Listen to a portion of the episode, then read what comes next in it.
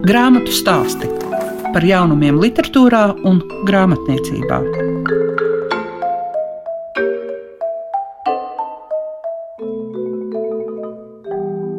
Savu skanējumu sāk grāmatu stāsti. Šodien raidījumā dzirdēsiet par Velgas Vīgantes romānu Kāvu klejotājs, kā arī atvērsim monogrāfiju Balsis pār jūru, ko radījusi Ingūna Daugste Silasproģe, un tas nozīmē, ka mums ir iespējams iepazīties ar latviešu rakstnieku, dzēnieku un arī mākslinieku Gunaru Janovski.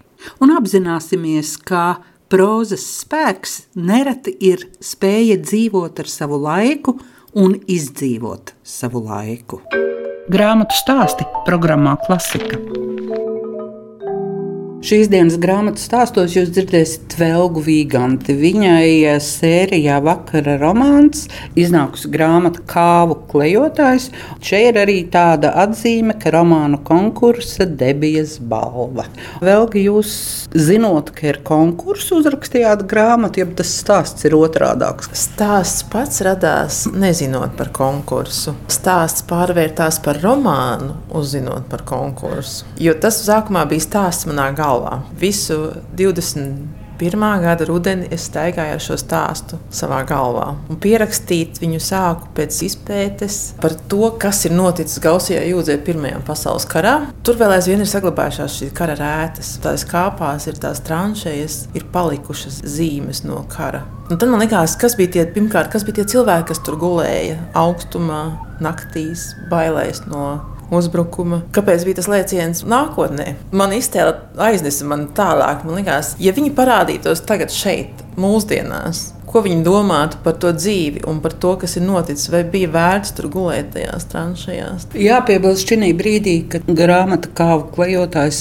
atgādina mums par laika lēcienu no 1916. uz 2016. gadu, un ļoti liels akcents ir saistīts ar somiem. Ar somiem tāpēc, ka tie bija tie, kas tajās tranšajās gulēja. Un tad man ir milzīgs atklājums, ka tie nemaz nebija īsti somi, ka tie bija Somijas zviedri, kas tolaik bija iedegušies par ideju par neatkarīgu Somiju, jo tieši pirms kara cars pastiprināja rusifikācijas spiedienu Somijā. Tāpat kā Baltijas provinces, tā arī Somija bija pārāk atšķirīga visā Krievijas impērijā, un rusifikācijas spiediens bija vislielākais gan mums, gan viņiem. Mans atklājums šajā izpētē bija tas, kas mums ir varoņi. Ja mums ģenerālis Fondergolds bija ienaidnieks, Bermontieši uzvar, pār kuriem nozīmē mūsu brīvību, tad šis pats Fondergolds bija Somijas varonis, jo viņš viņiem palīdzēja neatkarību iegūt. Jā, divām valstīm pilnīgi atšķirīgi. Bet tas netraucēja jēgeriem pēc tam nākt palīdzīgā latviešiem brīvības cīņās vidzemē. Bet, protams, mans galvenais varonis to visu vairs nepiedzīvoja, jo viņš jau bija pārcēlies uz mūsdienām. Nu, jā, man ļoti aizsāca tas stāsts vispār. Tas, ko es uzzināju par to, kā tas noticis, ka īstenībā viņi ļoti mazi piedalījušies kaujas operācijās. Un ļoti daudz laika līdz pat uh, Krievijas revolūcijai un līdz Somija pasludināja savu neatkarību un viņi aizbrauca uz Somiju. Līdz tam nodzīvojuši daudz liepājā. Nu, viņam tur bija mīlas dēkas vairāk nekā kara darbība. Viens pat bija uzrakstījis lūgu Latviešu līgavu. Un savukārt liepainieki, kā es atklāju savā izpētē, liepainieku puiši savukārt viņiem bija cemme uz somiem, jo viņi skaisti, gaišmataini, gara auguma bija nocēluši vietējās meitenes. Vai jums ir prototipi, piemēram, Alisei, kas ir šī 2016. gada jaunā meitene? Vispār ir. Nav tā, ka prototyps būtu ļoti viens tēls, kas ir saplūdis no vairākiem nu, tādiem elementiem, ir redzētais, novērotais pa kādai daļai no katra. Bet arī paši varoņi īstenībā diktēja savus tēlus. Jo pats galvenais varonis iesākās ar man zinām. jo mana daļa ģimenes ir zviedru vikingi, kas dzīvo Zviedrijas ziemeļos. Un viņu tas Zviedrijas ziemeļos dzīvojošo tēls man arī īstenībā sākās. Bet tālāk pats varonis īstenībā viņš sāka diktēt to, kas viņš ir. Un kā viņš uztver pasauli un kā viņš sastopās ar kādiem cilvēkiem.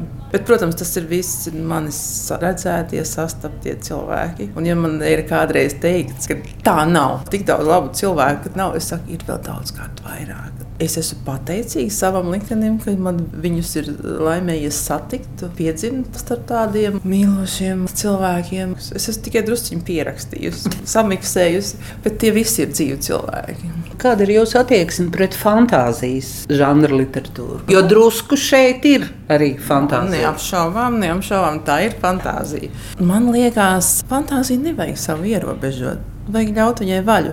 Un mēs vispār varam tikai paļauties uz savu iztēli un fantāziju, jo fakti ir diezgan neviennozīmīgi. Katrs pirmkārt vienu to pašu notikumu redz citādāk, katram ir citādāka pieredze.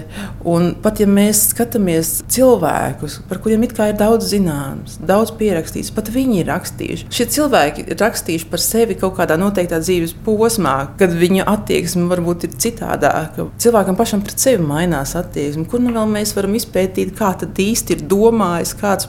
Tāpēc, manuprāt, viss jau ir fantāzija. Nu, zināmā mērā, jā. jā. Tolteki savulaik ir teikuši, ka vispār katrs cilvēks dzīvo savā sapnī. Un ir arī kolektīvais sapnis, protams. Bet vispār mēs dzīvojam katrs savā sapnī. Un tāpēc nevajag baidīties vienkārši ļaut. Jā, man liekas, ka vienkārši mums ir pierastā, ka mēs lūkojamies pagātnē nekā nākotnē. Jā. Bet ignorēt pagātni arī gluži nevar, jo mēs jau īstenībā pagātni sagatavojam mūsu nākotnē. Arī šajā darbā es gribēju parādīt, ka var jau mainīties laikmeti, var mainīties kaut kāda vide un accessoāri. Bet cilvēka būtība jau īstenībā nemainās. Jūs grāmatā rakstījis, ka svarīgāks ir cilvēks nekā vide. Jā, noteikti. Cilvēks arī rada to vidi sev apkārt. Un jebkādu vidi viņš var īstenībā pārvērst atbilstoši savai būtībai. Īstenībā. Viņš nekur nevar aizbēgt no sevis. Vienalga, lai uz kurien viņš pārceltos, vai tā būtu cita valsts vai cita vispār laikmets, paliek viņš pats un viņš atnes sevi tur citiem. Man pašai liekas, ka ir svarīgi tas, ko mēs varam citiem palīdzēt īstenībā.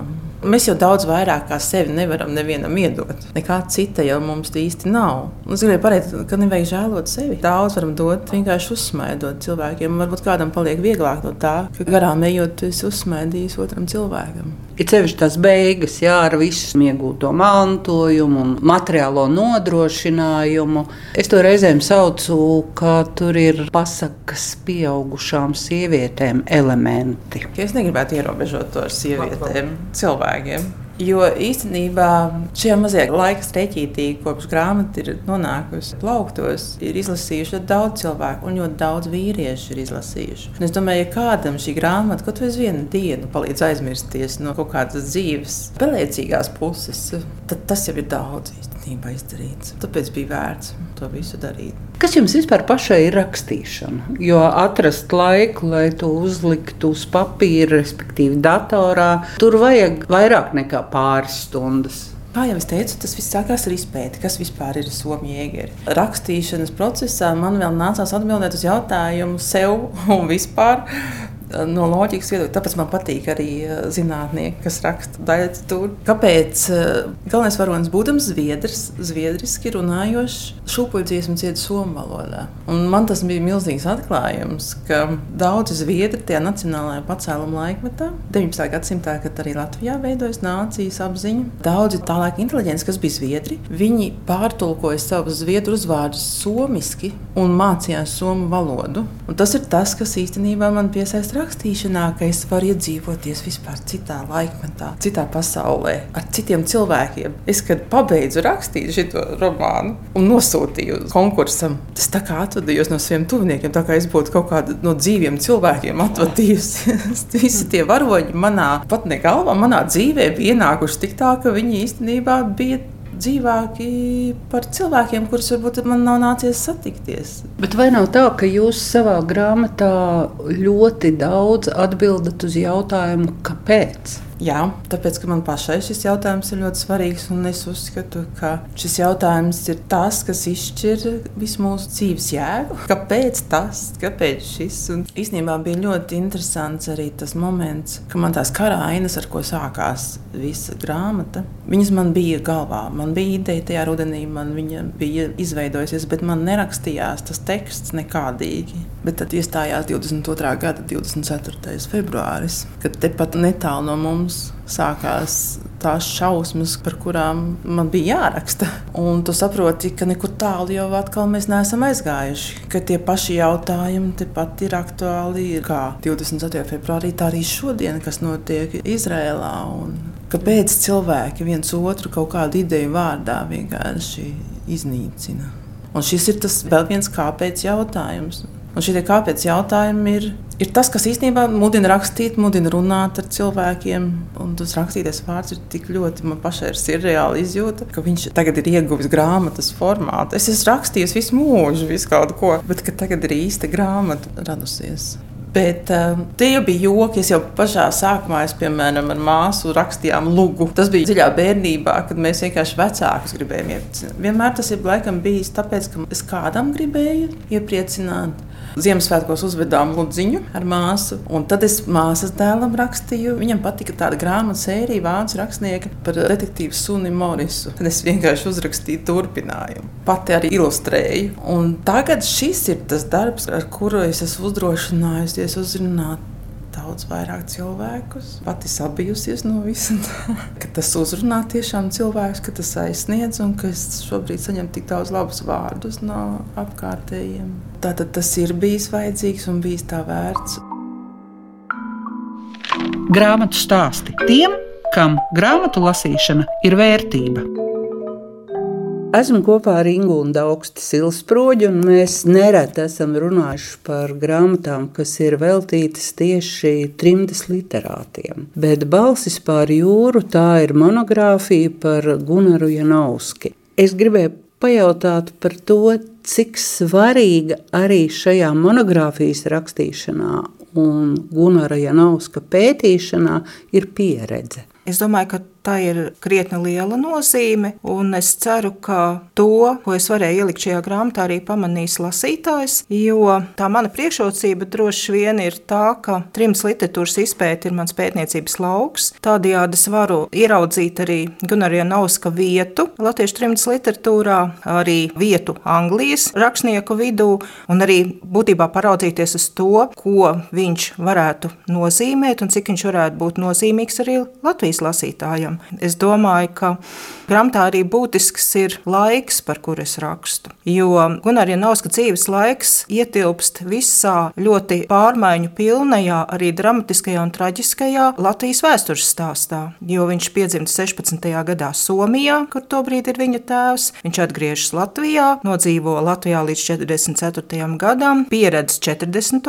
gadu, pieredz arī to, kas notiek ar ebrejiem Jēkabpilī vai Krustpilī, viņš dodas bēgļu gaitās, viņš nonāk Krievu zonā, viņš pieredz uh, bēgļu nometņu laiku Vācijā un aizbrauc uz Angliju. Un nekad līdz 1992. gadam Latvijā neatgriezās, lai gan daudz rakstnieku un kultūras cilvēki devās uz Latviju dažādos, visbiežāk pēc 73. gada, bet viņš pirmo reizi Latvijā atgriezās 92. gadā, visu mūžu būtībā nodzīvots ārpus Latvijas, bet ļoti spēcīgi attiecīgi visi Latvijas vēstures notikumi arī rezonē viņa darbos. Un tātad būtībā caur savu pašu personisko pieredzi, to, ko viņš ir pieredzējis, ko viņš ir dzirdējis, redzējis, kas varbūt ir noticis ar viņu vai noticis ar kādu citu, viņš ieraksta savos literārijos darbos. Un tā šķiet ir arī būtiska iezīme, kā labi varbūt arī šo laiku lasītājiem 21. gadsimtā varētu būt interesanti viņa darbi, jo tur ir savies personiskais ar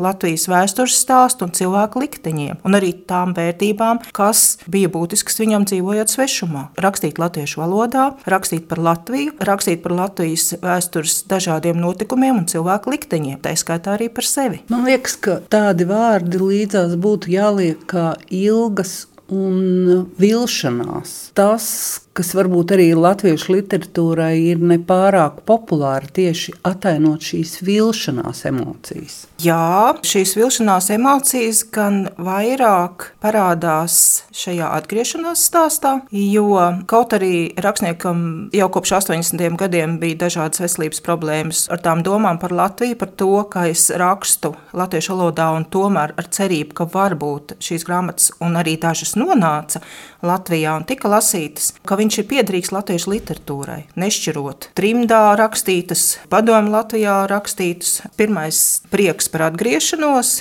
un sākotnēji salīdzinoši lielāka uzmanība, bet tā vispār ir raksturīga 90. gadu sākumā, kad krietni vairāk trījus rakstnieki brauca uz Latviju. Jā, viņi bija no ārpuses, viņi bija interesanti, viņu darbi bija nezināmi, tas bija kaut kas jauns. Bija arī šīs personīgās satikšanās, kas ir ļoti svarīgas. Uzņemšana Latvijas Rakstnieku savienībā, piešķirts triju zvaigžņu ordenis, kļuva par Latvijas Zinātņu akadēmijas goda locekli, bet tā līdz galam, es domāju, nu tā īsteni, tomēr tajā Latvijas kultūras telpā, es domāju, tomēr neienāca. Nu, tam vien ir vairāki iemesli, jo 90. gadu sākums ir arī pārmaiņu laiks, ir daudz grāmatu, kas eh, bija aizliegtas, grāmatu, kas bija nogulējušas atvilknēs, nāca klāt trimdas literatūra, ienāca arī jauna paudze, tad 80. gada beigās tā saucamās, kā mēs teiktu, niknās rakstnieces. Vienkārši tā literārā telpa kļuva par šauru, lai tajā uzņemtu visus. Un tad no tā sākuma uzplūdu un intereses tomēr sekoja arī tāds atslābums. Lai gan rakstnieks savā ziņā var būt priecīgs, jo viņš pieredzēja arī savu rakstu pirmo sējumu iznākšanu, sezonu. Nu, šie arī bija iecerēti 17 sējumos, bet iznāca 14. Bet tajā pašā laikā, ja mēs šodien paņemam rokās šīs grāmatas, tās mums neko nepasaka par rakstnieku. Nekādos apstākļos viņš ir dzīvojis, nekādos apstākļos rakstījis, kāpēc rakstījis un no kurienes viņš vispār tāds rakstnieks radies. Jo nav šie raksti komentēti, un tas ir tas lielākais trūkums. Lai gan jāsaka, tā situācija, nezinu, kas ir šis rakstnieks, jau bija tipiski arī tajā laikā, kad iznāca Gunārs Janovska pirmais pirmais romāns Saule 63. gadā. Arī tad lasītājs nezināja, kas ir šis rakstnieks. Gandarījums varbūt rakstniekam bija tas, ka viņš ieraudzīja savas grāmatas, staigāt pa Rīgu grāmatveikalu skatlogos. Jo trimta situācijā pieredzēt savu grāmatu skatlogā vispār nebija iespējams, jo grāmatas tika izplatītas caur grāmatu izplatītājiem, un šis fakts gan viņu ļoti iepriecināja. Vai viestura Kairiša filma uzjumdīja interesi par Gunaru Janovski? Es gribētu cerēt, ka jā. Tomēr arī diezgan veikli tika izdota uh, pilsēta pie upes. Lai gan sākotnējais rokrakstu variants bija pilsēta pie Daugavas. Uz vāka bija arī skats no filmas. Jā, nu tagad es esmu pamanījis, ka arī uz šī viļņa iespējams pilsēta pie upes izdots romāns Nams Sloks ielā, kas ir pēdējais Gunārija Nauska darbs, ko droši vien ir inspirējis arī viņa braukšana uz Latviju. Tā ir atgriešanās viņa bērnības vietās Kalnciem ielu. Arī tas ir apsveicami. Jo es gribētu cerēt, ka lasītāji, vai vismaz kāda lasītāja daļa, meklēs eh, Gunara Janovska grāmatas bibliotekās. Ja mēs raugāmies pēc izdoto grāmatu skaita, tad Gunārs Janovskis ir otrais aiz Anšla Veglīša. Ja mēs raugāmies lielo grāmatu izdevēju Helmā Rudzītu un grāmatu draugu, Anšlaus Veglīts bija jau pazīstams rakstnieks, kurš devās bēgļu gaitās un nonāca pēc tam trimdā Amerikā, tad eh, Gunārs Janovskis ir rakstnieks, kurš debitēja trimdā, tātad svešumā. Tās ir atšķirīgas pozīcijas, kā iekarot to savu vietu, Bet, nu, acīm redzot, izdevējs novērtēja, ka šis ir autors, kura darbu būtu jāizdod, jo lasītājiem tie būs interesanti. Tā arī izrādījās, jo daži darbi arī pieredzēja atkārtotas izdevumus. Un jāatzīst, ka Rakstniecības un mūzikas muzejā ir arī Gunārs Janovska un Anšla Veglīša vēstuļu saraksts. Nu, tas arī būtībā bija ļoti bagātīgs izpētes un izziņas materiāls, jo Gunaram Janovskam ir vairāk ilglaicīgas sarakstas draugi, turklāt uh, lielākoties ir saglabājušās apusējā sarakste, tātad vēstule pret vēstuli. Un ar Anšlā Veglīti ir tā, ka nedaudz trūkst tieši Gunaram Janovska vēstuļu, bet ir uh, Anšlā Veglīša vēstules, kas rakstītas uh, Gunaram Janovskim. Un šī saraksta ilga vairāk nekā 20 gadus. Arī aizsākās tā, ka viņa līdz tam nebija pazīstami. Anšlaus Eglīts bija izlasījis solu, un tāpēc kādu laiku nu, sākās šī saraksta. Anšlaus Eglīts ir desmit gadus vecāks par Gunaru Janovski. Gunārs Janovskis ļoti augstu vērtēja Anšlau Eglīti un Komano Novus un Līgo mednieki bija viņa mīļākie darbi, un tie tika paņemti līdzi arī bēgļu gaitās. Un viņš bija stāvējis pie kioska, lai saņemtu jaunāko ziņu numurus, lai lasītu Līgo medniekus. Tā ir ļoti aizrautīga, ļoti interesanta sarakste, kur absolūti mainās arī paša Gunārija Novska rakstības stils, jo, ja lasa arī sarakstu ar citiem autoriem, viņi vēstulēs izspēlē šaha partijas. Anšlaus Eklītes raksta draudzīgas parodijas par Gunārija Novska dzējoļiem, un tur ir tāda literāra draudzība, Izskan arī novērtējums, kā viņi vērtē viens otru dairadi, ko tas viņiem nozīmē, ko nozīmē katra jaunā grāmata. Un kaut kādā brīdī Anšlaus Eklīts pat atzīst, ka Gunārs Janovskis ir aizgājis viņam tā kā varētu teikt pa priekšu, jo Anšalam Meglītim nu, jau ap 80. gadu jau tā rakstīšana vairs nevedas tik raiti. Jā, un tur ir gluži cilvēcisks divu cilvēku draugu, kuri noveco arī tādas sadzīviskas ķibeles aprakstītas. Bet runājot par sarakstu, es gribētu pieminēt arī sarakstu ar desmit gadus jaunāko Sigmundu Skuiņu, kura saraksti arī glabājuši rakstniecības un mūzikas muzejā, un vēl ļoti plaša saraksta, ko es izmantoju, kas aizsākās 64. gadā un ilga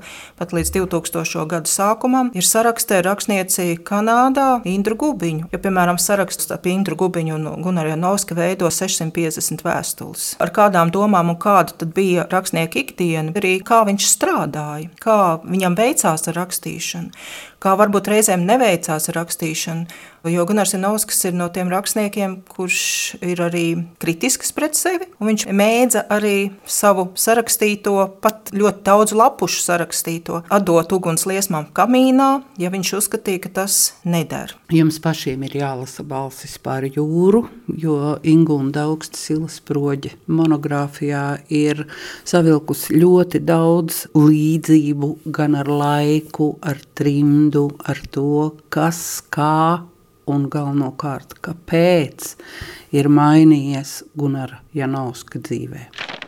Izskan grāmatu stāsti. Šīs dienas raidījumā dzirdējāt Velgu Vīganti. Viņa stāstīja par savu debijas grāmatu Kāvu klejotājs. Savukārt Ingūna Daugsta Silas proģe stāstīja par sērijā Es esmu iznākušo monogrāfiju, kas veltīta rakstniekam, dzēniekam un māksliniekam Gunaram Janauskim. Kopā ar jums bija Lieka Piešiņa un tiksimies jau pavisam drīz.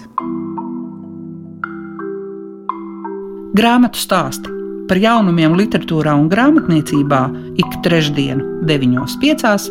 ar atkārtojumu Svētdien, 18.15.